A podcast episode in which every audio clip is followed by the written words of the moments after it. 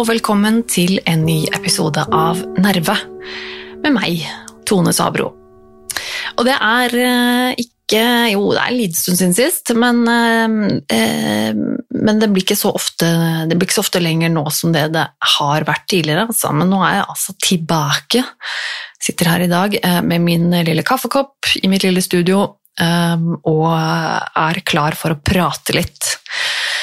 Jeg har Ah, jeg gjør alt jeg kan for å slappe av i skuldrene og ryggen. Jeg sliter litt med vond, eh, vond nakke disse, i, det siste.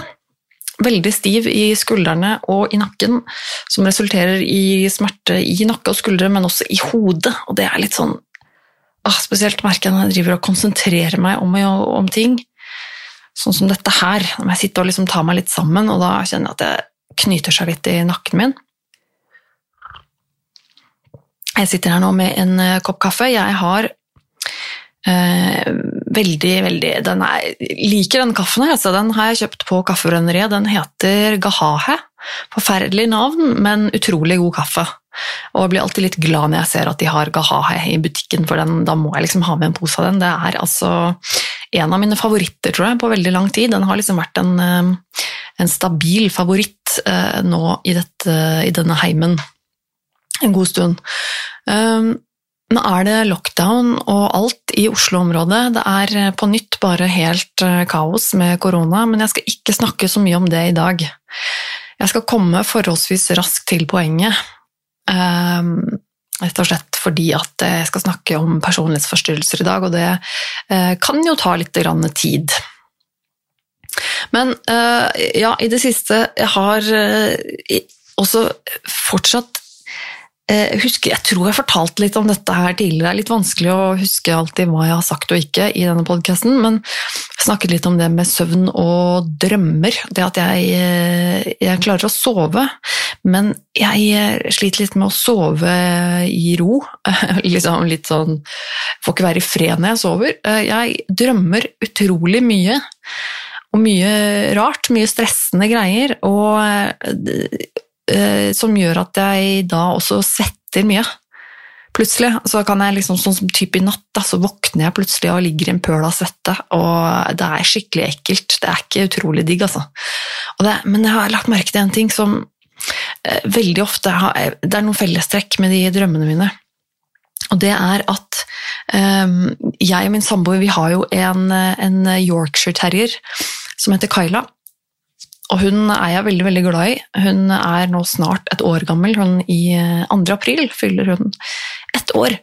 Så vi har ikke hatt henne så fryktelig lenge, men hun har betydd veldig mye for meg. Og jeg finner henne veldig ofte igjen i drømmene mine, altså. Jeg drømmer mye om Kyla, og jeg vet egentlig ikke hvorfor. Eh, og det er ikke um, det, det, veldig ofte litt sånn ikke nødvendigvis skumle drømmer, men ofte litt sånn stressende. Sånn litt sånn 'oi, hvor er hun?' Um, greier. Men i natt så, så drømte jeg faktisk at uh, at noen hadde påkjørt og drept henne. Det, det var ikke spesielt hyggelig, altså. Uh, det, hun, hun, lå da most på veien et sted, og så var det noen som hadde funnet henne og skulle komme og vise altså, da, det, det, var ordentlig, det var ordentlig kjip drøm, uh, og da var det liksom på et tidspunkt da, midt på natta i natt hvor jeg våkna og var skikkelig svett og var veldig glad for at det bare var en drøm. Men jeg merker at det, tar på litt, altså, for det, det, tar litt vekk fra, fra søvnen og søvnkvaliteten min. Den blir ikke helt optimal, for å si det sånn. Men eh, sånn er det nå bare. I det siste så har det jo vært Eh, stort sett hverdag. Eh, begynner å bli litt vår her i Oslo-området. Det er veldig, veldig deilig. Eh, utenom det så har det vært mye jobb. og det har jeg snakket om litt før i podkasten her også, den jobben min med møbler. og den, Det er fortsatt veldig ålreit, men det krever mye energi, så jeg har ikke så mye overskudd til å drive med andre ting mange av dagene. Eh, men på fredag som var nå, eh, så eh, hadde jeg et lite intervju. Jeg ble kontaktet for en liten tid tilbake av en psykologiprofessor ved Universitetet i Trondheim, så jeg ikke husker helt feil nå, som hadde hørt på min podkast og likte det han hørte, tydeligvis. For han kontaktet meg og ville gjerne at vi skulle snakke litt sammen. Og at han skulle da ta opp dette og bruke det i sin undervisning på universitetet. Og det er jo veldig eh, kult. Alltid et kjempekompliment når folk eh, vil høre hva jeg tenker om ting, og bruke det jeg kan om ting til noe. Det er veldig, veldig gøy. Så på fredag så hadde vi en samtale på Zoom Um, min første ever Zoom-samtale. Jeg har aldri brukt Zoom før i mitt liv. Det var på tide. Uh, føler jeg. jeg føler jeg er den eneste i verden som ikke har brukt Zoom. Så uh, da fikk jeg prøvd det, og det ble i tillegg en, uh, en samtale som ble tatt opp, som han da skulle bruke i sin undervisning. Men jeg tenker at det hadde jo vært litt gøy om jeg kunne legge ut det intervjuet i denne podkasten også etter hvert. Så jeg tenker at det er planen. Jeg har fått det godkjent. Eh, så etter hvert, når jeg får tilgang på det, det, intervjuet, og etter at han har brukt det til det han skal bruke det til, så kommer jeg til å legge det ut i denne podkasten. Sånn at alle dere kan høre det. Jeg syns det var veldig interessant. Uh, han intervjuet meg, vi snakket mye om uh, ja, Stort sett om uh, tema som også skal være dagens tema, og det er personlighetsforstyrrelser. Det er et tema som jeg syns er veldig, veldig spennende. Veldig komplekst og komplisert, men veldig viktig og spennende. Og det er en diagnose som mange vet lite om, men som det finnes mange som lider av. Og Derfor tenker jeg at jeg syns det er viktig å spre litt, uh, litt viten Eh, om denne diagnosen. Jeg har jo snakket litt om det i denne podkasten tidligere. Jeg hadde en episode ganske langt nede i starten eh, som handlet eh, bare om personlighetsforstyrrelser, hvor jeg gikk litt igjennom personlighetsforstyrrelser. Du kan gå tilbake i historikken og høre på den hvis du vil høre litt generelt rundt personlighetsforstyrrelsesdiagnosen. Det er altså nummer ti episode nummer ti av denne podkasten. Så det begynner å bli en god stund siden nå, faktisk. Det er to år siden, ja. Men da, eh, nummer ti altså heter, eh, heter, rett og slett bare personlighetsforstyrrelse.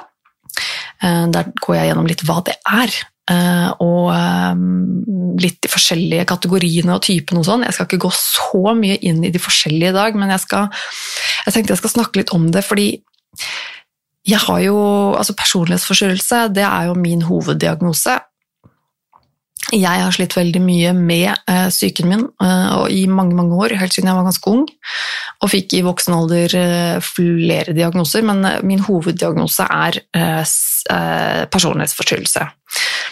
Og det er noe jeg har jobbet mye med i de siste årene. Det er, jeg har gått i, i behandling og, og, jobbet mye med meg sjøl og dette som jeg sliter med.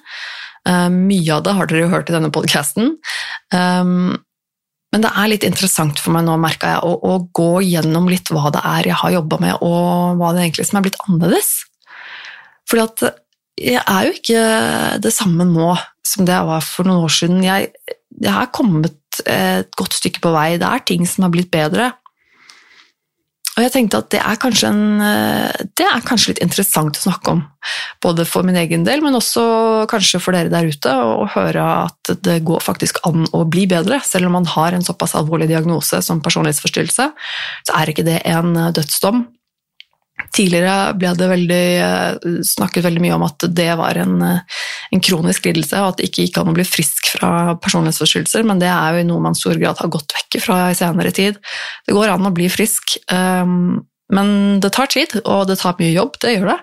Eh, men det er absolutt ikke en, en dødsdom, for å si det sånn, å få en, den diagnosen. Så jeg tenkte jeg skulle gå gjennom litt i dag. Um, hva er det jeg har slitt med, og hvordan er det i dag i forhold til hvordan det var før? Er jeg blitt bedre, og eh, ikke minst hvordan jeg har blitt bedre? For det også er jo litt interessant. Hva er det som har funka for meg, og hva er det jeg har gjort for å faktisk bli bedre? Så eh, jeg tenker at med en liten slurk av kaffen, som jeg prøver eh, iherdig å ikke drikke for høylytt, skal jeg rett og slett hoppe i det. Um, og jeg har um, når jeg, snakker, jeg kan bare si litt sånn generelt, for dere som ikke vet så mye om uh, personlighetsforstyrrelser, så kan vi si at det finnes Personlighetsforstyrrelse er en generell uh, diagnose, og så finnes det kategorier innunder personlighetsforstyrrelse um, av det man gjerne kaller type personlighetsforstyrrelser. Um, og der er det um, Skal vi se nå, jeg, nå, ble den borte for meg. Den uh, da, da, da, sitter jo med min uh, datamaskin her. Skal vi se, for jeg hadde nemlig en åpen, tenkte jeg bare skulle Veldig kjapt, ja. For du har um, Du har uh, paranoid personlighetsforstyrrelse, schizoid personlighetsforstyrrelse, histrionisk, uh, emosjonell ustabil, dyssosial, tvangspreget, unnvikende og avhengig typer av personlighetsforstyrrelse. Uh, og de er litt i varierende grad hvor, hvor vanlige de er. Narsissistisk personlighetsforstyrrelse står ikke her, faktisk. Er ikke den ICD, den, kanskje? Bare DSM. Ja, det var litt interessant. Men uansett, eh, de jeg har eh, Det er jo litt sånn at selv om personlighetsforstyrrelse er en diagnose, og det er mange som har den, eh, så er man jo veldig forskjellige i sin diagnose. Og det er veldig mange forskjellige typer og måter man kan være personlighetsforstyrret på, da, for å si det sånn. Og de kategoriene eller de typene som har vært vanskelig for meg, jeg har hovedsakelig to typer, som er det hvor mine problemer ligger, uh, ligger heaviest, uh, tyngst. og det er den typen som heter tvangspreget personlighetsforstyrrelse, og så er det den typen som heter emosjonell ustabil personlighetsforstyrrelse, eller også kalt borderline personlighetsforstyrrelse. Det er også en av de mest vanlige typene, den sistnevnte, og mange som har hørt om, og mange som har hørt mye litt skummelt om, kanskje. Eh, og den har fått mye eh, både fortjent, men også veldig mye ufortjent eh, skam og stigma tilhengt seg, dessverre. Men nå skal jeg snakke litt først om tvangsprega. Først om det lille som står, en slags liten oppsummering. Nå tok jeg utgangspunkt i det som står på nhi.no og noe Wikipedia NHI, altså eh, norskhelseinformatikk.no. Um, der står det om tvangspreget personlighetsforstyrrelse. Så står det personer med denne forstyrrelsen er ekstremt opptatt av orden. De er perfeksjonistiske, samvittighetsfulle, stivbeinte, detaljopptatte og kontrollerte. Deres behov for å gjøre alt riktig i åsene forstyrrer ofte deres produktivitet. De fanges opp av detaljer og mister det store bildet. De setter urimelig høye krav til seg selv og andre, og de er ofte svært kritiske til andre når de ikke leverer opp til disse kravene. De unngår å arbeide i team og mener at de andre er for skjødesløse eller inkompetente. De unngår å ta beslutninger fordi de frykter å gjøre feil, og de har ofte vansker med å uttrykke følelser. Og det, her, eh, det er også viktig å si det at når det gjelder personlighetsforstyrrelse, så, man, eh, så dreier det seg om personlighetstrekk som i større eller mindre grad vi alle har. Men dette er jo altså da eh, snakk om at er, du kvalifiserer ikke til en personlighetsforstyrrelse bare for at du føler på noe av disse tingene her. Ehm, det handler om eh, vedvarenhet, og det handler om eh, grad. Altså i hvilken, stor, eh, hvilken grad dette her ødelegger det for deg i livet ditt. Din, din evne til å takle livet, rett og slett. Og av det, av det, som inngår i tvangspreget, så har jo jeg også slitt med Mye av det jeg har slitt med, har vært eh, kontroll. Eh, en type sånn kontroll av alt og alle, situasjoner, detaljer og systemer. Det er jeg veldig opptatt av, har vært veldig opptatt av alltid. Veldig sånn systematisk, liker å ha system på alt, liker å ha regler på alt. Liker, er veldig, veldig opptatt av detaljer. Og uh, dette er jo både på godt og vondt på mange måter, men da for meg så har det vært i en så stor grad at det har vært mest vondt. Um, men jeg kan jo huske f.eks. situasjoner der eh, altså Jeg har alltid hatt et sånn veldig stort kontrollbehov. Det er, det er liksom på, på, egentlig typ på alle områder i mitt liv. Det er veldig stor grad av, av kontroll eh, som kreves av min del. Eh, jeg, jeg, liker det, eh, og føler at jeg har kontroll. Men, eh, og det er f.eks. sånne situasjoner jeg kan tenke på nå, da, som eh, tilbake i tid, hvor jeg var mye dårligere enn det er nå. Så kunne det være f.eks. Um, i sosiale settinger. Da. Hvis jeg, um, da jeg var sammen med eksmannen min, så likte han veldig godt å være sosial, og jeg hadde jo noen venner han likte å gå og treffe og sånn. og Jeg likte jo også veldig godt å være med på det, jeg syns vennene hans var veldig hyggelige. Det var jo en type folk som var ganske uh, ja, sosiale folk som likte å gå ut på byen da, og kanskje å sette seg ned et sted og ta en øl liksom, på en fredag, eller et eller annet sånt, som veldig mange folk uh, jo liker å gjøre. Og hvis vi skulle være med på det, så var ikke det helt uproblematisk for min del. Jeg, uff, jeg hadde en hadde en tendens til å gjerne liksom ville være med. Jeg liker å være inkludert og kunne godt på en måte ønske å treffe disse personene. Men jeg må vite alt på forhånd. Jeg har veldig, veldig stort behov for å føle at jeg har kontroll på situasjonen eh, før det skjer, og vite hva jeg begir meg ut på. Og det i til så ekstrem grad at, at jeg ble ganske vanskelig. Hvor jeg da f.eks. må vite på forhånd gjerne hvem som er der, eh, og, og, hvor de er, selvfølgelig.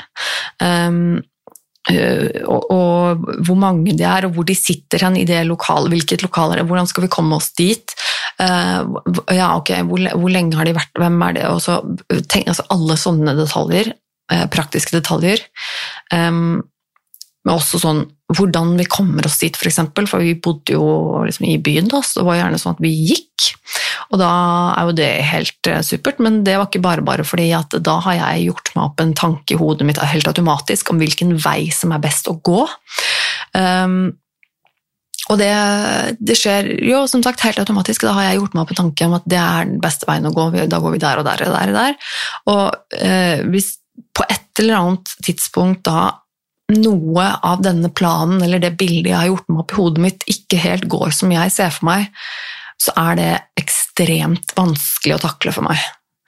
Eh, da kunne det bli eh, Da ble jeg gjerne veldig stressa og fikk mye angst. Men hæ, har de flytta på seg? Nå er de ikke på det stedet der lenger i det hele tatt. Ja, hvor er de nå, da?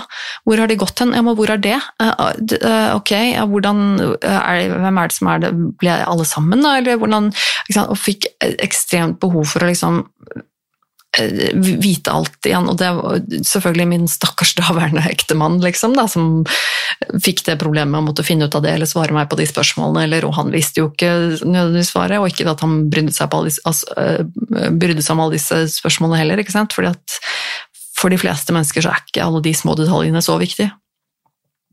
Men for meg så var det det. Jeg måtte ha kontroll, jeg måtte vite det, jeg måtte, og jeg kunne bli ganske vanskelig altså direkte ganske bitchy. Og, og, og begynne å liksom bli liksom bjeffete mot, mot han. Da. Og rett og slett eh, altså, og på grunn av angsten min, og på grunn, av, på grunn av rett og slett at jeg følte at jeg mista kontroll på situasjonen og hva som skjedde og hva som kom til å skje.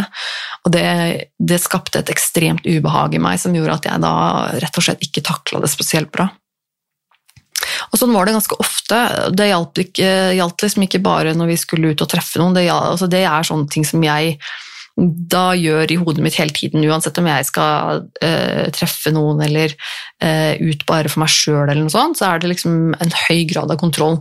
Uh, hvor jeg har gjort meg opp en tanke i forveien på hvilken vei jeg går, hvor jeg skal, hvilken rute jeg skal ta, hva jeg skal der, hvilke butikker eller hva Altså klokkeslett, alt mulig. Alt er planlagt og kontrollert.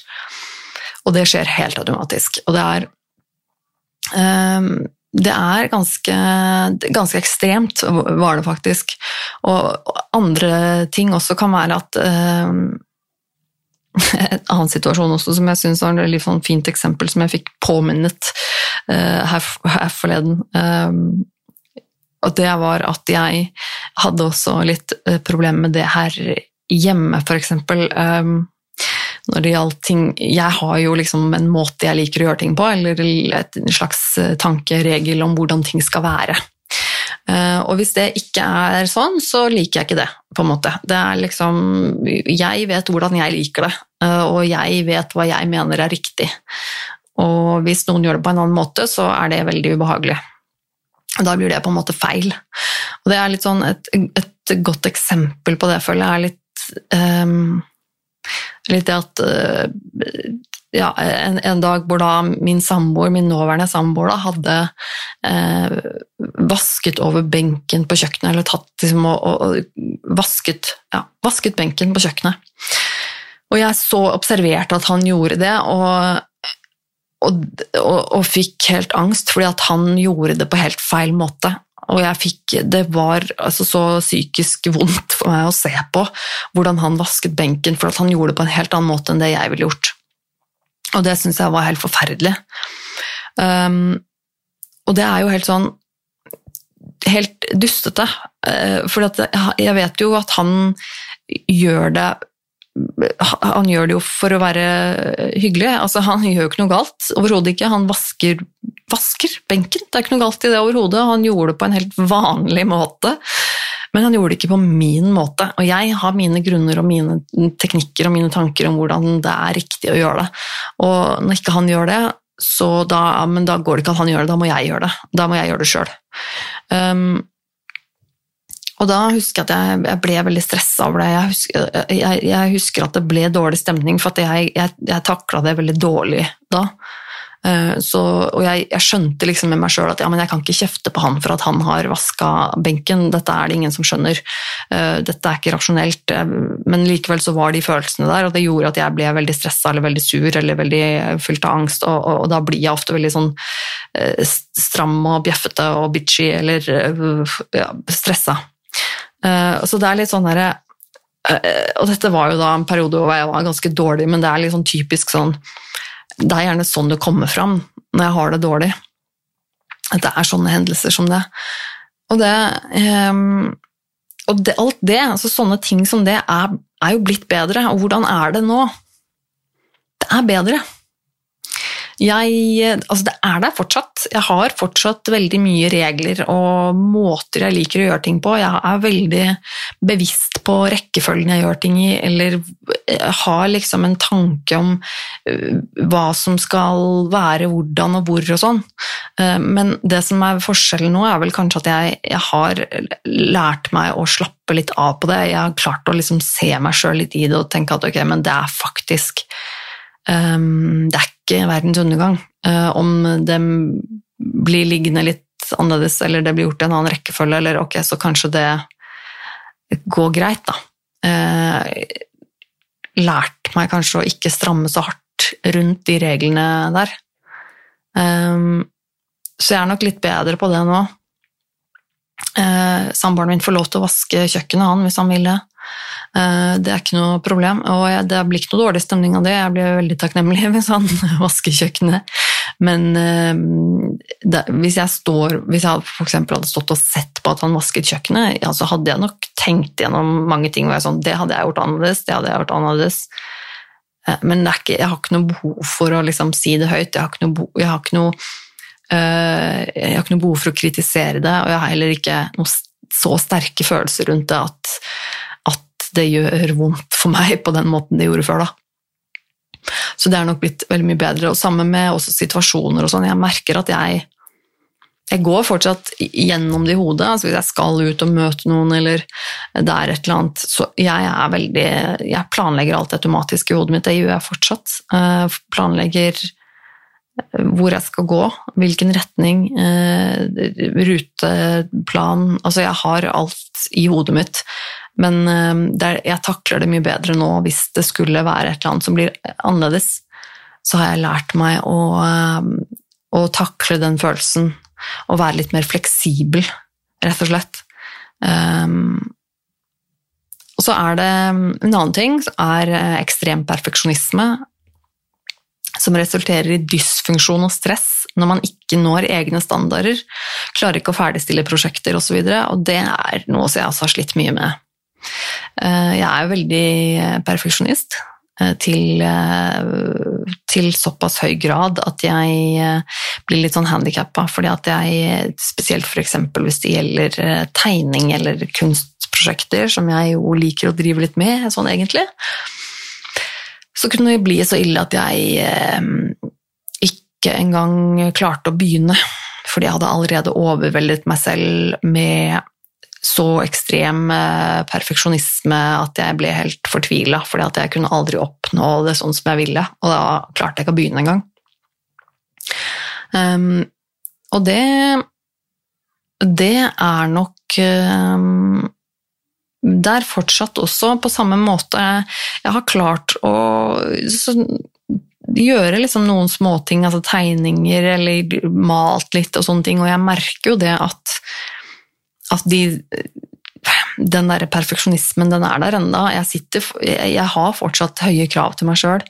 Jeg sitter fortsatt og tenker at uh, det ikke er bra nok, eller at uh, uh, Ja, jeg gjør nok det, men ikke til like, like stor grad. Og så har jeg faktisk og så har jeg liksom funnet ut at liksom, det med å f.eks. ferdigstille prosjekter fordi det aldri blir bra nok, det har jeg klart å unngå litt, eller omgå litt, ved å f.eks. ta på meg veldig små prosjekter. Altså eh, det å male eller tegne et veldig lite motiv, rent fysisk, eh, sånn at jeg ikke påtar meg noe som er veldig stort og tar veldig lang tid. Så har jeg funnet ut at da kanskje det faktisk går å gjøre det ferdig. Og så har det egentlig vært Eh, ganske ålreit. Det har klart å få til det, men jeg merker at det er um, det er fortsatt veldig slitsomt for meg. Så hvis jeg får en sånn Nå fikk jeg lyst til å male litt, og så setter jeg meg ned og så maler jeg litt, og så gjør jeg kanskje det liksom en, times, en time eller to her og der i en ukes tid, eller noe sånt. Jeg gjør et par ting, sånn små, små malerier og et eller annet. Um, og så er jeg på en måte brukt opp da må jeg legge det vekk, og så, da, da, blir jeg sliten av det. Eh, så, for det er noe med at det, det, utfordrer mm, hjernen min, og det utfordrer hele de Ja, eh, det er vanskelig. det er rett og slett vanskelig. Um, å, å utfordre den perfeksjonisme biten i meg og de kravene jeg setter til meg selv, og de, det som dukker opp sånn helt automatisk, det er eh, noe jeg på en måte aktivt må gå inn og motsette meg. Og, og det, det, krever litt jobb. Så det er litt slitsomt. Eh, så jeg gjør ikke det så ofte. Og jeg merker fortsatt at det med kunst, tegning og de greiene der, det, det er fortsatt noe som er vanskelig. Um, dessverre. Det er litt kjipt, for jeg liker egentlig veldig godt å drive med mye sånn kreative ting, men jeg merker at det er en sånn Det er et um, det, er, det er noe som krever mye av meg på så mange måter at det, det orker jeg ikke å gjøre så mye. Dessverre. Um, men jeg lurer på om kanskje det har hjulpet litt også med at jeg har drevet med videoredigering og det å lage podkast og sånn. For da er det liksom litt uh, mer konkrete, kortere prosjekter uh, som kanskje ikke krever like mye. Så jeg vet ikke, det har nok kanskje hjulpet lite grann. Men jeg merker jo det at nå for er jeg jo inne i en sånn periode hvor jeg lager lite videoer uh, til YouTube fordi at det er det er mye krav, og det er mye tidkrevende, og det er mye Ja. Nei, så Men eh, det er nok bedre, ja, det er nok. Eh, og så er det mm, en annen ting som jeg også sleit eh, mye med, er disse rigide regler som må følges. Etiske og moralske regler, verdier, eh, satt meg et mål eller en regel, så er det sånn det må være. Og sosiale normer, eh, og hva jeg også forventer av andre. Sånne ting som det har vært eh, vanskelig. Altså, det, er, det, det, fin, det, er, et regelsett eh, for meg i hodet mitt eh, om livet, om, om, alt av situasjoner. Så fins det regler som bare er der, og de må følges. Og de er veldig rigide. Og vet ikke hvorfor altså, Det er ikke noe det er ikke alltid veldig det er ikke alltid helt logisk. Eh, noe av det kan være noe jeg bare har fått for meg, at jeg, at jeg mener er riktig eller best, eller et eller annet. Andre ting kan være f.eks. sosiale konvensjoner. Det syns jeg er forferdelig slitsomt og vanskelig noen ganger. For jeg har vært ekstremt opphengt i å følge sosiale konvensjoner. Fordi at det er jo regler, og det må følges veldig viktig og veldig sånn å Må være veldig velopptatt, veldig høflig, følge reglene, være veldig eh, Alt må gjøres riktig. Eh, og at det har vært sånn viktig at, at, det rett og slett gjør livet vanskelig for meg. Um, så for eksempel at uh, at jeg har gjort meg opp en tanke da, med hvordan livet mitt eh, skal være. Av en eller annen grunn så har jeg fått for meg at eh, det skal gå i sånn og sånn rekkefølge, eller det skal være sånn og sånn, jeg skal gjøre ditt og datt, eller Og så blir det ikke helt som helt som jeg vil, som det jo ofte er sånn i livet at det blir ikke helt som man vil. Men, men det, det skaper altså Eh, ekstremt uro i meg. Uh, og det er på en måte ikke greit. Det, det, er, ikke, det er, ikke, lov, det. det og, og, det er litt sånn Hva skal jeg si um, At jeg har en tanke om at det er noe jeg skal oppnå i livet innen så og så lang tid. Jeg har fått for meg at f.eks. innen jeg er 30, så skal jeg ha både mann og barn. liksom, Før jeg er 30. Det har bare alltid vært en sånn sannhet i hodet mitt. En regel. En, eh, sånn er det bare, på en måte. Eh, uten at jeg egentlig vet hvor det kommer fra, eller hvorfor det er sånn, men det bare er en sannhet at det er en regel. Og når det ikke går som jeg hadde håpet, så er det klart at det setter jo hele min verden på hodet og gjør at jeg blir eh, ekstremt eh, stressa og deprimert, og det skaper utrolig mye ubehag og desperasjon i meg. Um, og det er litt sånn jeg har kjent på tidligere, at det, er, at det blir fryktelig, fryktelig vondt og vanskelig. Eller så er det alle mulige sånn småting. Altså, sosiale konvensjoner f.eks. er veldig viktig for meg å følge. Da. Av en eller annen grunn så er det på en måte sånn gjør man, og sånn gjør man ikke. Uh, at uh, man må liksom følge de uskrevne sosiale normene og reglene som er, skrevet, som er i samfunnet vårt. og det er litt sånn det kan nok være ganske slitsomt og liksom føle, føles veldig sånn prippent og pedantisk på et eller annet vis. Eh, og det, jeg vet ikke helt hvorfor heller, men det er liksom bare sånn, noe som alltid har ligget i meg, at man følger regler. Man følger eh, de normene vi er liksom enige om å følge. Det er liksom sånn det skal være. Eh, for det gir meg en, en eller annen form for ja, følelse av kontroll og følelse av at ting går som det skal. Det er en slags trygghet i det å føle at at du har den kontrollen. Det er veldig, um, veldig spesielt. Men det, det, som også kan bli et problem med det, er jo selvfølgelig også at jeg forventer veldig ofte det av andre mennesker også rundt meg. Og det er jo eh, det, er, det sier seg jo at det kan være et problem hvis du stiller veldig mye kanskje urimelige krav til folk rundt deg, eller at folk skal forstå forstå ting eller følge regler som på en måte bare er i mitt hode. Men så for meg så er det på en måte så selv, selvsagt. En eller annen sosial konvensjon eller en eller annen sånn eh, greie som jeg har for meg. Sånn gjør man, eller sånn gjør man ikke. Og så er det ikke det kanskje selvfølgelig for alle andre, og så er det noen som ikke følger de reglene mitt, som er i mitt hode, så gjør det at jeg kanskje ikke liker vedkommende, eller at det, det blir ubehagelig for meg, eller at det, og da kan jeg fort bli sånn at nei, men da, dette er en person jeg ikke liker. Og det er veldig og det ble problemer for meg f.eks. da jeg jobbet som daglig leder i butikk, for jeg kunne jo ikke delegere oppgaver. Eh, for jeg hadde veldig forventninger om at folk skulle skjønne mine regler, eller at folk skulle følge mine regler og gjøre ting på riktig måte. Den måten som jeg ville at det skulle gjøres på. Og det, sånn er det jo ikke, ikke for folk er ikke inni mitt hode. Folk hører ikke mine tanker og vet ikke alt hva jeg tenker og, og, og kan disse uskrevne reglene mine. Eh, så da endte det jo med at jeg gjorde alt selv. Eh, fordi at jeg ville ha det gjort på en spesiell måte, og siden de andre ikke gjorde det på den måten, så var det ikke bra nok. Da måtte jeg gjøre det selv. Og det sleit meg jo totalt ut også. Eh, selvfølgelig, i jobbsammenheng så er dette ufattelig upraktisk. Å ikke kunne samarbeide med folk og ikke delegere oppgaver. og Nei, det er ikke å anbefale, for å si det sånn. Så det, så det sleit jeg nok mye med. Og det å på en måte da øh, og jeg i utgangspunktet også som eh, Det er noe som vi kommer tilbake til også i denne borderline-diagnosen, dette med relasjoner med andre mennesker. og Det er også noe jeg på en måte har hatt problemer med. og det er også da å ha veldig sånn forventninger til folk og i forhold til mine egne regler er veldig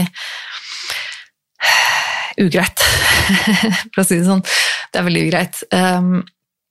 Så hvis noen da f.eks. Uh, ikke var sånn som jeg forventet at folk skulle være, eller, uh, eller ikke uh, hadde de samme indre reglene som meg, så, så, kunne jeg ikke like det. Da kunne jeg ikke være venn med de, eller da kunne jeg ikke altså, Um, nei, det sier seg selv. Det blir veldig, det er både slitsomt og veldig, altså helt umulig å, å, holde på med. Men det også er blitt mye bedre. Um, for nå er det jo litt sånn at jeg um, det er blitt bedre. Jeg er fortsatt opptatt av regler og orden og systemer. Liker veldig veldig godt når, når jeg kan få gjøre ting på min måte.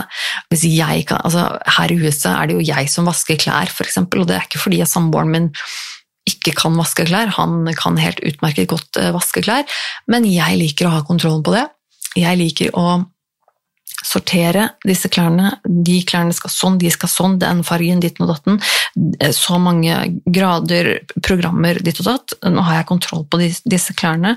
Når de er ferdige, så er det også jeg som, som tar meg av klærne. Når de er tørre, så er det jeg som bretter dem.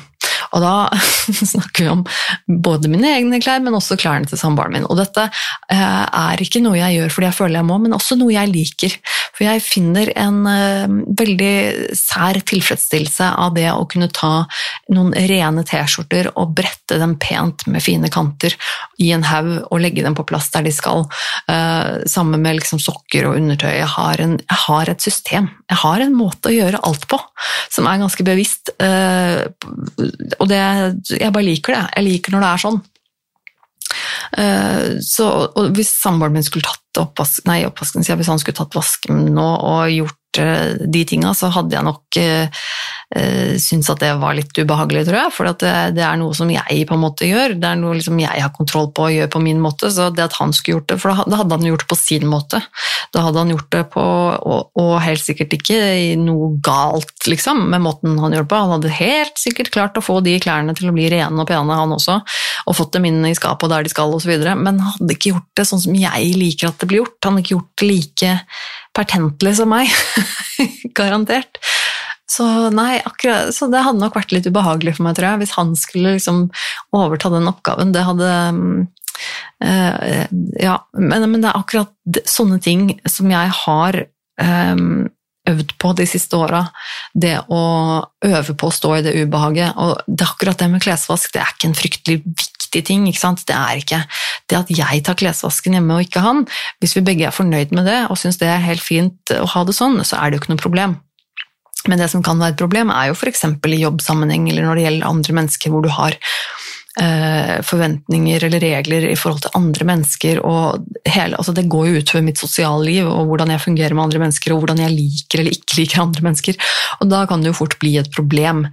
og Det er jo akkurat de tingene jeg har liksom øvd på. Da. og Det å på en måte kunne skjønne det at mine regler er mine regler, og liksom se deg selv litt utenfra og tenke at ok, eh, da er det noen andre som gjør det på den måten, og det får være greit, liksom. Så det er nok eh, Man må liksom eh, plukke sine kamper der, og tenker jeg at greit, så er klesvask Den får bli sånn den blir, men jeg kan ikke gå rundt og ha det sånn at jeg ikke liker bestevenninna mi lenger fordi at hun ikke fulgte den ene sosiale konvensjonen eller ikke fulgte de reglene og gjorde som jeg tenkte i mitt hode at var riktig å gjøre. Altså, det går ikke. Um, fall, altså, så lenge det er rimelig, innenfor rimelighetens grenser, selvfølgelig, men det er jo det det er snakk om at det da ikke var. Um, så jeg tenker at um, det, det, var, det, var, den første. Det var tvangsprega personlighetsforstyrrelse. Jeg og det fins flere, flere, punkter også innenfor her, men jeg tenkte at nå, nå det var liksom kanskje de tinga jeg syns har vært vanskeligst.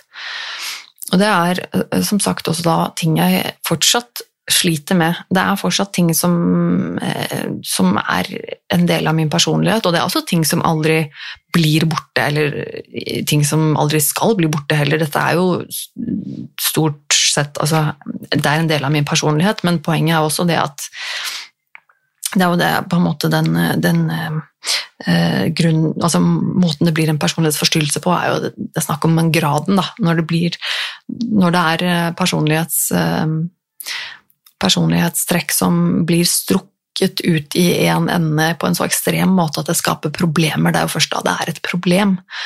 Og det er noe med at eh, med personlighetsforstyrrelser, så måten man blir frisk på, er jo på en måte da å kunne regulere disse, eh, disse fasettene av personlighetstrekkene våre inn i et normalt spekter, sånn at man på en måte fungerer på en normal måte, da, i gåseøyne. Så jeg tenker nok at jeg fungerer bedre i tvangspreget mitt nå enn det jeg gjorde før. Jeg har fortsatt en vei å gå, men det er nok definitivt, definitivt bedre. Og det som er positivt med det, er jo Det er mye ting som er positivt med det. Eh, det å ha regler og systemer og orden på ting er jo i utgangspunktet en god ting, det. Eh, og jeg vet at det er mange ting jeg er veldig god på som mange andre ikke er god på, fordi at jeg har ja, har litt uh, har systemer på ting, og har regler på ting, og, har, er opptatt av detaljer og gjør det på en ordentlig måte. Er veldig opptatt av kvalitet og at det skal være skikkelig og litt sånne ting, og det er jo ikke noe galt i det i seg selv. Og så uh, tenkte jeg skulle gå over til uh, den andre typen personlighetsforstyrrelse som jeg har slitt mye med. Og dette er den som heter borderline personlighetsforstyrrelse, eller også kalt på norsk, så kalles den gjerne emosjonell ustabil personlighetsforstyrrelse. Og dette er en veldig vanlig type. Veldig mange av de som, går, som havner i behandling i psykiatrien eh, for personlighetsforstyrrelser, har denne typen. Eh, og den er eh, mye forsket på. Så denne vet vi mye om, og den er som alle andre type personlighetsforstyrrelse er den veldig forskjellig fra person til person, men det er jo selvfølgelig noen trekk som gjerne går igjen, og som er mer vanlig.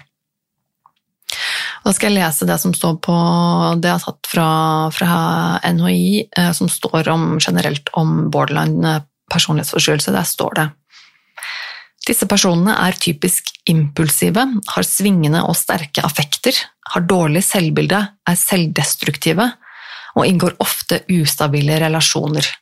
De har hyppige stemningssvingninger og ofte sinneutbrudd. Ofte tar de ut sinne på seg selv og skader seg. Selvmordstrusler og selvmordsforsøk er ikke uvanlig. De tenker veldig mye svart-hvitt, og de inngår ofte intense, konfliktladde forhold med andre. Disse menneskene kan også opptre med betydelig grad av desperasjon dersom de, eh, dersom de innbilt eller reelt er i ferd med å bli forlatt. Adekvat mestring av sinne og sterke følelser generelt er ofte vanskelig for disse personene. Tydelig manglende identitetsfølelse, som fører til manglende psykisk stabilitet og ustabile relasjoner til andre, er vanlig. Um, så dette er jo uh, veldig generelt. Um, men jeg, selvfølgelig er jo dette noe av det jeg har slitt mye med. Um, og veldig ofte ting som, gjerne, som kjennetegner folk som sliter med personlighetsforstyrrelser av borderline-type. Og eh, det med redsel for å bli forlatt, for eksempel, det var en sånn ting som jeg alltid har vært. Jeg har vært veldig redd for å være alene. Eh, og eh, gjerne det dytte folk unna før de dytter meg unna. Og holde avstand til folk, redd for å være sårbar. Ehm, og veldig den der at du, du, går veldig kjapt fra å idealisere en person til devaluere en person. Ehm, så, den, så din beste venninne plutselig kan bli din verste fiende. Ehm, og det er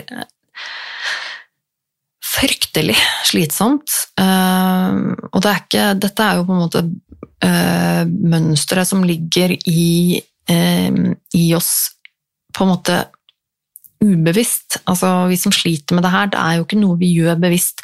Men det er ofte en sånn man er, å, man er, redd for å bli forlatt. Den følelsen av at folk ikke vil eh, være venn med oss lenger, eller være sammen med meg lenger, eller et eller annet sånt noe, den er forferdelig vond. Du ønsker å beskytte deg selv fra de vonde følelsene.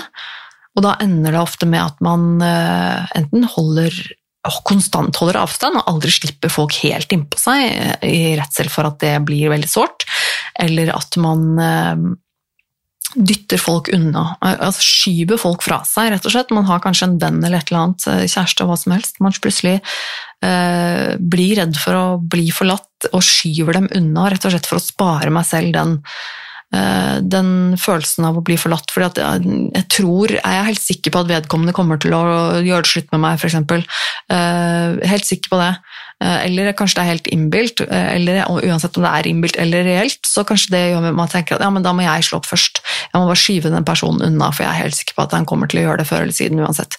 Eh, så for å spare meg den nederlaget, det tapet og de følelsene, så må jeg skyve meg unna, eller skyve han unna, eller hvem det skal være. ikke sant? Um, og det å stole på folk og slippe folk inn, det er også noe som uh, har vært veldig, veldig vanskelig. Uh, og uh, det å, være sårbar, rett og slett det, Jeg har liksom alltid satt opp en sånn veldig En veldig um, hard fasade, på en måte. Et, et, et, skjold og en rustning rundt meg for å beskytte meg selv. veldig. Eh, alltid. Eh, så det å vise meg sårbar, eller å vise Ja, det har vært forferdelig vanskelig. Det er altså helt umulig. Um, og helt sikker på at på et eller annet tidspunkt så kommer folk til å såre meg eller skuffe meg eller forlate meg, så du vil ikke slippe folk ordentlig inn, for det, det, det lønner seg ikke. Og det er litt sånn den, den mekanismen med å beskytte seg selv også, som, som er litt sånn overaktiv, nærmest. Um, og gå gjerne på, på liksom, Og det er noe med disse følelsene. Du har veldig mye følelser, og de kommer veldig fort, og de går veldig fort, og det er vanskelig å regulere. Og det gjelder også andre mennesker du, du er i relasjon med. Da. Så du kan et ene øyeblikk så er jeg veldig glad i en person og finner blir kjent med en person og tenker yes, denne personen her er skikkelig kul og liker denne personen her, og sånn, og så er det et eller annet som plutselig gjør at du føler det motsatte. Eh, det kan være en liten ting, det kan være en kommentar eller en, en, en tolkning av et eller annet du vedkommende sa eller gjorde som får deg til å tenke at ja vel, så du bryr deg egentlig ikke om meg, da. Nei vel, eh, du reagerte ikke sånn som jeg håpet du skulle reagere, ok, men da, nei vel, da, altså, da bryr du deg ikke om meg. Um, og som sagt, ikke nødvendigvis noe bevisst man går og tenker, men at det, dette er liksom følelser, noe som trigger en sånn type følelse. Um, og det er, eh, det, det er ganske ja, det er vondt, for det, det, er, så, det er, så, intenst. Det er veldig, og, det, og, det, er kjipt å føle at du liksom, kanskje har en venn da, som du er glad i, og så plutselig så gjør eller sier denne vennen noe som sårer deg. Det er jo vondt, ikke sant? Eh, men, men det kan være fordi at du rett og slett har problemer med å tolke vedkommende, eh, og vedkommende har kanskje problemer med å tolke deg.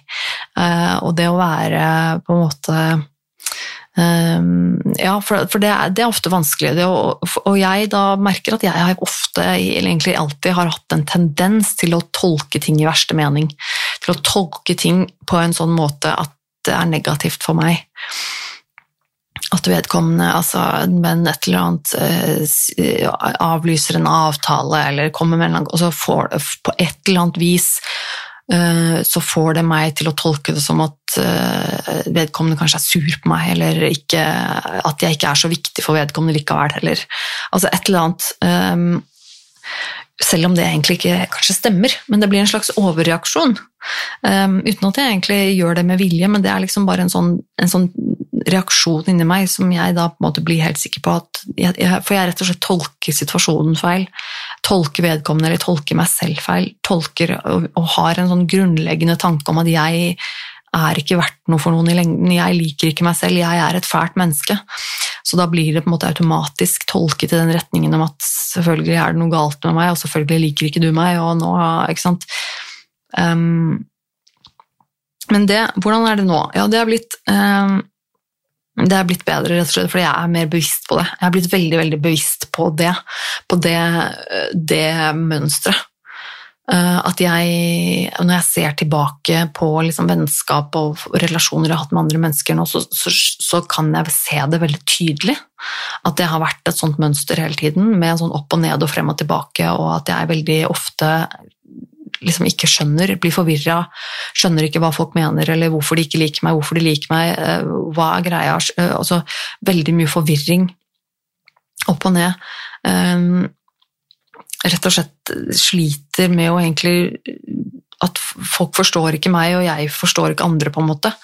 Veldig vanskelig og slitsomt. Og det, men det er nok bedre nå også fordi at jeg er blitt eh, Jeg er nok blitt mer eh, ja, bevisst på det, sånn at jeg tenker at jeg tenker, jeg tenker meg om to ganger før jeg liksom tolker ting, eller tenker meg om liksom to ganger før jeg tar en beslutning om noen, f.eks. Og lærer meg liksom å tenke at kanskje det ikke er helt sånn som du tror, eller nei, men prøv å se det litt fra vedkommende side. Det er liksom noe med å ha, prøve å ta litt andre perspektiver enn bare ditt eget.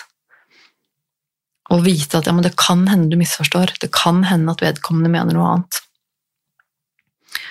Um, manglende identitetsfølelse har jeg kjent mye på. det. Hvem, hvem, er jeg, og hva skal jeg? Sånn egentlig, på en måte. For jeg har alltid vært veldig, veldig god på å tilpasse meg. Og da vet jeg liksom ikke egentlig hva det er jeg egentlig vil. Altså tilpasse meg situasjoner, men også øh, liksom folk rundt meg. Da. At jeg får noen nye venner, og så tilpasser jeg meg dem. Eller ny kjæreste, eller en ny situasjon i livet. Så tilpasser jeg meg. Uh, og så blir det på en måte Oi, er, er, er, det sånn jeg? Um, er, er, det det jeg skal være? Um, altså type vennegjeng som driver med et eller annet, så blir det på en måte meg. Ja, å ja, men det er disse menneskene her jeg hører til. Eller, eh, og det kan være liksom plutselig så altså Jeg hadde en eks som var veldig opptatt av, av, fotball, og det har jeg aldri vært sjøl, men plutselig så, så ble det også noe jeg var veldig opptatt av. Uh, og ble veldig Ble liksom en av dem, da, syntes fotball var gøy, liksom. Og gikk liksom veldig inn i det. Og da kjøpte meg drakt og sånn. Altså, det var helt sånn Ikke meg i det hele tatt. Men da fant jeg ut at jo, men kanskje det her Det, er liksom, det føles Jo, jo, her. Tilpasse meg det, liksom. Um, eller liksom gaming. Og venner som driver med gaming, eller sånn, fikk jeg det for meg. Og da går jeg helt inn i det, og så er det på en måte det som er meg, og er det dette jeg skal i livet, liksom? Ja.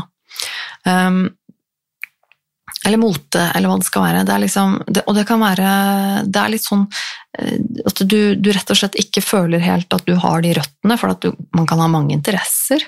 Man kan uh, endre interesser, og man endrer jo gjerne, gjør gjerne det. Og endrer venner og endrer kjærester. og Man får jo alltid, til viss grad blir man jo liksom påvirket av de man er sammen med. Det er jo helt vanlig. Men det er noe med den, likevel den, den graden av det. Um, at, at, at jeg mistet eller jeg fant aldri meg selv. Sånn de fleste av oss har vel kanskje en slags idé om hvem man er, selv om man bytter interesser. Du har kanskje en idé om at 'nei, det her kommer jeg aldri til å gjøre', eller 'ditt og datt eh, liker jeg ikke', eller ja, Jeg vet ikke hvordan jeg skal forklare det, men bare en sånn følelse av hvem du er. Identiteten din. Mens den har uh, stort sett manglet hos meg. Uh, jeg har aldri helt skjønt hvem jeg er, at det har liksom forandret seg hele tiden. Og det, det, det, har også vært veldig vanskelig, for det, det, blir en sånn veldig grunnleggende forvirring. Veldig sånn grunnleggende tomhet, rotløshet, på en måte. At du på en måte aldri helt skjønner hvor du skal, eller hvor du hører til, eller Ja. Um, hvordan er det nå? Det er, det er nok bedre nå. Det er nok bedre nå. Hvorfor er det bedre nå? Hvordan er det bedre nå? Må jeg tenke. Um, jo, jeg Jeg tror nok heller det har med at jeg, jeg har akseptert det at det ikke alltid er noe som er riktig og feil, og det at ting forandrer seg. For jeg har alltid vært veldig rigid opptatt av det å gjøre det som er riktig, ha det riktige svaret, vite svaret på ting. Hva er det som er det riktige svaret? Hva er det som er den riktige måten å gjøre ting på? Altså alle de de reglene. Jeg har vært veldig opptatt av, og det gjelder jo meg selv også. ikke sant? Så hvem, hvem er det, hva er det som er riktig? Um, men jeg, jeg, tror nok at jeg har i større grad nå akseptert at uh, det går an å like forskjellige ting. Det går an å både ha en sånn stil, men også noen ganger ha en sånn stil. Det går an å, å like både rosa og sukkersøte ting, men det går også an å elske black metal og, og, og digge skrekkfilmer. Altså, det, det, er å, det er lov å være begge deler. Det er lov å Sånn som jeg, for eksempel, har har både en veldig liksom, til tidvis feminin eh, stil, men Eh, kle meg veldig gutte. Eh, store, baggy klær, boxshorts altså, Og det er litt sånn who cares, men for meg så har det vært litt sånn Er det lov, da? Kan jeg ikke, må jeg velge altså, jeg må liksom klart akseptere det, men det er faktisk lov å være Man må ikke være én ting. Du må ikke passe inn i ett mønster. Du kan faktisk like flere farger. Du kan like mange forskjellige ting. Det er lov å um, det, ja, eh, og det er lov å endre mening. Det er liksom greit, det. Det er, det er, ting jeg likte før, det liker jeg ikke nå lenger. Ok, men det er faktisk helt lov. Um, men jeg vet jo fortsatt ikke Jeg tror kanskje jeg vet mer nå hvem jeg er. En slags identitet, men jeg syns fortsatt det er litt vanskelig. Um, og jeg um, Ja, men nei, det, det, jeg, det, det, kommer jeg sikkert aldri til å bli klok på. Gjør vi noen gang det, egentlig? Noen av oss, liksom? Jeg føler det er litt sånn Er ikke det det vi alle leter etter uh, i livet? Hvem er vi, liksom? nei, men uh, jo, det er blitt bedre, for jeg har på en måte bare klart å uh, akseptere at jeg er bare sånn jeg er. Um, sånn er jeg, på en måte. Og ikke, ikke være så opptatt av å finne ut hva som er riktig og feil, men bare sånn akseptere at sånn er det. Tror jeg. Det har hjulpet. Det er, jeg er flinkere på det nå. Um, også dette med følelsesregulering, det med å ha hyppige, intense svingninger og reaksjoner i følelsene, er jo også noe som er uh, kjent problemstilling med, med, mennesker som har borderline, og det, det er det fortsatt. Jeg, jeg, har mye følelser, mange følelser, og de kommer og går, og de er opp og ned. Og det, sånn er jeg. Og det er det fortsatt, det kommer sikkert alltid til å være sånn, men jeg tror nok at jeg er bedre Jeg er nok bedre på å regulere det nå. Det er også en sånn ting som, som krever eh, tid og øvelse, det med å kunne bare ta tak i en følelse og tenke litt kritisk over den. Det å liksom ta tak i den følelsen eller den reaksjonen og, og kunne um, vurdere den, det er uh, viktig, men også det er jo jævlig vanskelig. Og hvis det er sterke følelser og reaksjoner, så er det noe som gjerne kommer plutselig, og noe som kommer ganske sterkt eh, for de fleste av oss. Men altså, for folk som er med i diagnose, så er det ofte verre, på en måte. Det er, det er mer, og det er liksom overveldende, og, og, ikke alltid man vet hvorfor, liksom, og ikke alltid man vet hvordan man skal takle det. Og det,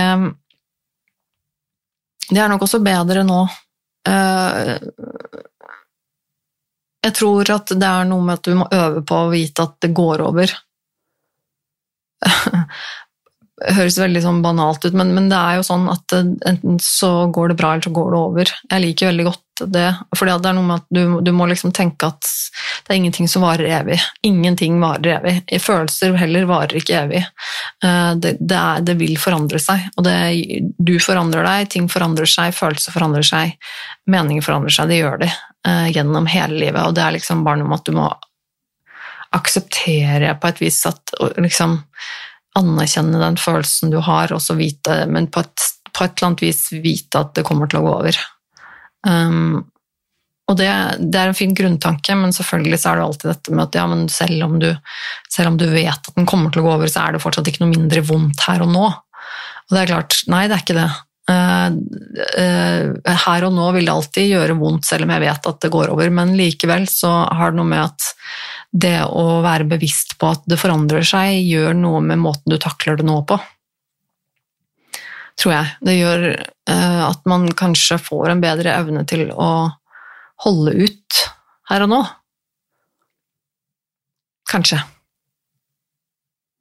Um, og det er jo litt sånn med fordi at både med selvskading og selvhat og selvmordstanker og følelse av tomhet og det å, en følelse av å være ikke god nok, det er følelser som jeg har slitt med hele mitt liv.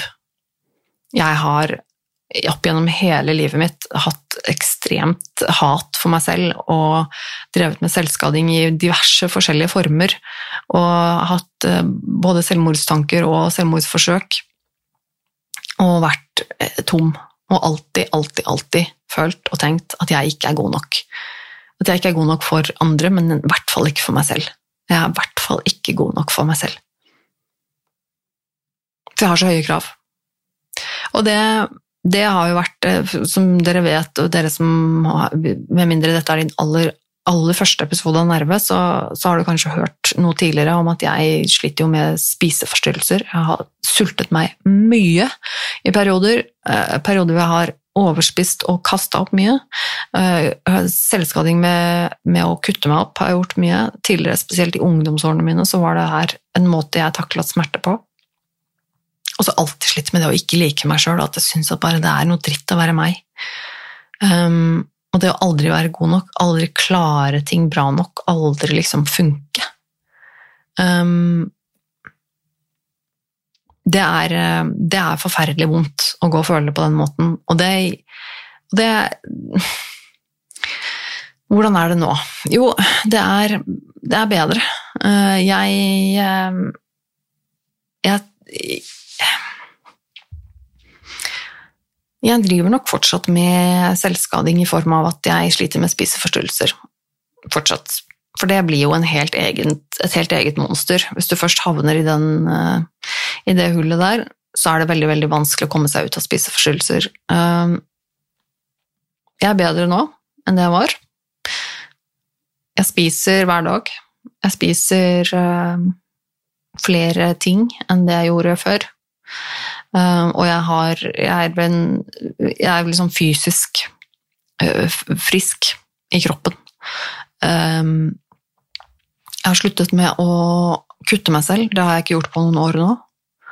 men spiseforstyrrelsen spiseforstyrrelsene er blitt, er blitt bedre, altså. Det er det. Men, men og det liker meg selv. Det er nok også blitt bedre. Jeg må jo innrømme det. Jeg tror jeg liker meg selv bedre nå. Jeg hater ikke meg selv like intenst som det jeg gjorde. Jeg, det er fortsatt en god del ting med meg selv jeg tenker at jeg virkelig avskyr. Og jeg um, Men, men, jeg, men jeg, jeg, jeg, må Jeg kan liksom si nå at jeg um, er Jeg er litt glad i meg sjøl, selv, selv om det er veldig rart å si så, så, klarer jeg noen ganger nå å liksom innrømme for meg sjøl at jeg har noen gode egenskaper, f.eks. At, eh, at jeg kan innrømme at jeg er flink på enkelte ting, eller eh, Ja. Det, så det er nok blitt bedre.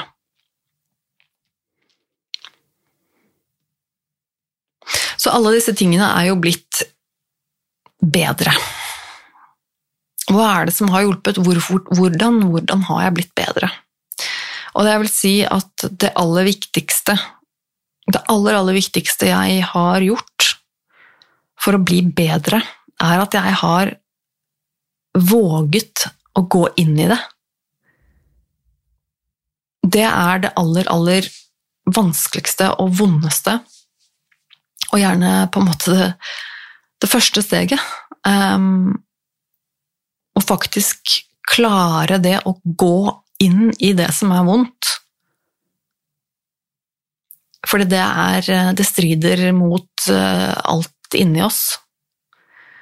Ehm, men det å, å gå i behandling og, og, da for meg så ble det å gå til psykolog og liksom ta virkelig tak og gå inn i det smertefulle, det som er vanskelig, og tørre å gjøre meg sårbar. Tørre å være sårbar og det har vært ufattelig vanskelig og vondt, men det, har, det, er det som har gjort at jeg klarte det. det som har gjort at jeg har klart å øve da, på å se meg selv utenfra og øve på å liksom ta et skritt av gangen og gi meg selv litt slack, gi meg selv litt tid. For det er liksom det, det, er det som skal til. Dessverre så er det jo sånn med personlighetsforstyrrelser at det er ikke noe man bare kan medisinere seg ut av. Det fins ikke medisiner mot personlighetsforstyrrelser. Men det fins medisiner mot, uh, mot uh, komorbide lidelser. For eksempel så er det jo ganske vanlig å slite med depresjon og angst og sånne ting når man har personlighetsforstyrrelser, og det er jo noe det fins medisinering mot. Man kan ta medisiner som hjelper på depresjon eller angst. Uh, og det Jeg fant jo nå foreløpig i hvert fall en antidepressiva som jeg går på, som, jeg, som er grei, liksom. Som jeg føler at hjelper meg litt. Den hjelper meg med å kunne øve uh, på å bli bedre, på en måte. Og det å kunne uh, den, den, hjelper ikke på alt, men den, den stilner stormen lite grann. Så at jeg kan klare å konsentrere meg litt i å ta tak i det. Og det er noe med det at det er jævlig slitsomt. Og det er mye jobb, og det tar lang tid. Og det er bare øvelse som gjør det. Du må kunne ta tak i deg selv i situasjonen. Du må liksom aktivt gå inn i følelsene og tankene og analysere dem og se på dem utenfra og uh, tørre å spørre de spørsmålene Men hvorfor føler jeg det her? Hvor, hvor kom det fra? Um, ja, jeg, jeg, og det er en um, Ja, nei, det, det, det, er vanskelig. Det er vanskelig. Jeg sier, ikke noe, sier ikke noe på det. Det er dritvanskelig, og det er vondt, og jeg tror det er veldig Veldig ofte derfor det er veldig mange som går og kanskje ikke får behandling. Um, og kanskje liksom fordi at det er liksom ubevisst, så unngår vi alt det som er ubehagelig. Um, vi liker jo ikke Det er jo ingen som liker ubehag. Um, og det å gå inn i det som er vondt, det er ubehagelig. Og da er det ofte sånn at man finner um, rutiner og strategier i, i, hverdagen som unngår det. Unngår det som er ubehagelig. Man finner måter å komme unna det på. Enten ved å flytte eller ved å dytte folk ut av livet sitt, eller ved å uh, bytte jobb, eller altså man, man uh, Eller ved å, å sulte seg. altså, man, finner uh, metoder. Fordi at man vil ikke gå inn i det som er vondt. Og det skjønner jeg. Men jeg tror nok det er det som har hjulpet meg og så er det noe med de konkrete rutinene jeg, har, eh, jeg gjorde meg. Jeg gjorde meg noen konkrete rutiner med å gå i behandling. Um, og gjorde ting som er bra for meg. Um, jeg prøvde å lage meg en, en matrutine, f.eks. Jeg gjorde en rutine ut av det å gå til psykologen min. For meg så var jo det å gå på DPS og, og psykologen min der, og, og klinisk ernæringsfysiolog, som, som ble de faste rutinene og det, det, er jo noe som er bra for meg, og jeg fortsatte å gjøre det. Og Ja, det har nok hjulpet. Jeg er ikke frisk. Jeg er ikke det. Jeg vil ikke si at jeg er frisk, men jeg er bedre. Ehm, det er liksom noe med at du Det tar tid å bygge seg opp igjen på nytt. og Jeg føler liksom at det var det som skulle til for min del at jeg hadde Jeg hadde vokst i altså hele min liksom oppvekst og tidligere del av livet så har jeg liksom vokst og utviklet meg inn i et uh, inni et beinmønster uh, som, som um, som ikke er fordelaktig. Akkurat som om beina mine har, har vokst feil. Etter et, tenk, Se for deg at liksom, du har et brudd i et bein, og så blir det ikke behandlet, og så vokser det helt feil. Så jeg, liksom, jeg ser for meg en sånn Det er liksom litt som om beina i kroppen min i min oppvekst på en måte har vokst feil. Og det har gjort at jeg er vanskelig for å gå, vanskelig for å gjøre ting. Jo, livet mitt ble vanskelig og smertefullt fordi at jeg hadde fått noen handikap og gjort noen og alle og jeg har gjort ting vanskelig for meg, og det er liksom vokst inn i feil, feil spor. Og den eneste måten å gjøre det om på, var å på en måte knuse og knekke opp alle beina. For å sette dem sammen igjen riktig.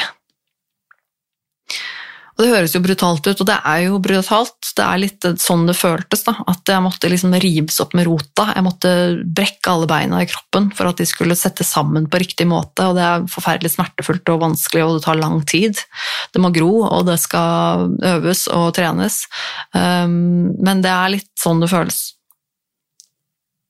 Så jeg hadde liksom et valg om å enten knekke alle beina i kroppen og gjøre alt på nytt, eller å fortsette å stavre meg av gårde på ubrukelige knokler og bein som var vokst helt feil, da. Og hadde vondt. Men ja. Nei, så Men jeg syns, jeg syns personlighetsforstyrrelse er veldig interessant. Det er, det er noe rare greier. Det er virkelig noe rare greier. Som sagt, så jeg skal begynne å avslutte nå. Jeg rabler i vei. Det tar alltid lang tid når jeg begynner med dette her. Jeg håper du der ute også syns dette her er litt interessant. Hvis du har noen spørsmål, et eller annet som er uklart, eller uh, noe jeg skal si noe mer om, så, så rop ut. Uh, send det på uh, mail nervemetone.gmail.com, eller på sosiale medier. Nervemetone eller Tone Sabro. Det har jo både, både det ene og det andre, holdt jeg på å si. Facebook, Instagram osv. Jeg vil gjerne høre fra dere. Jeg syns det er kjempespennende.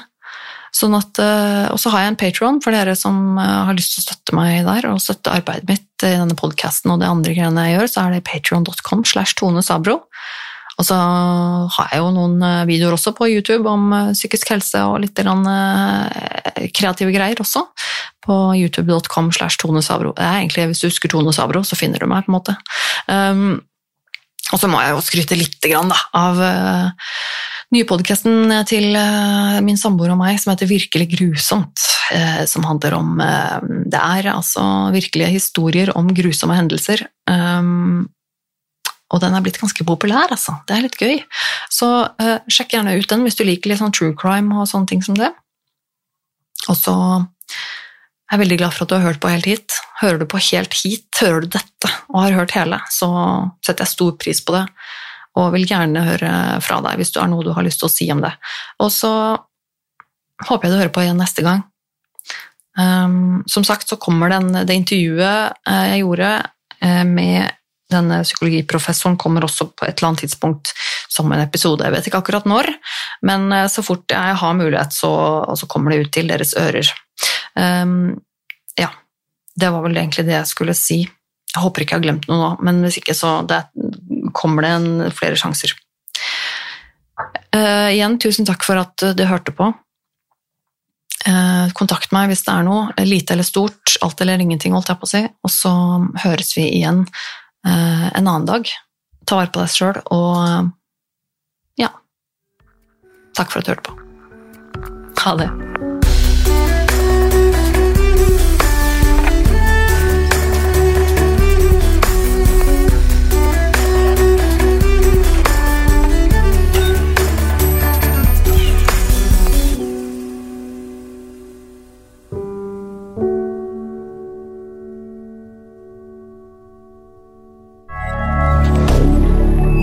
Media.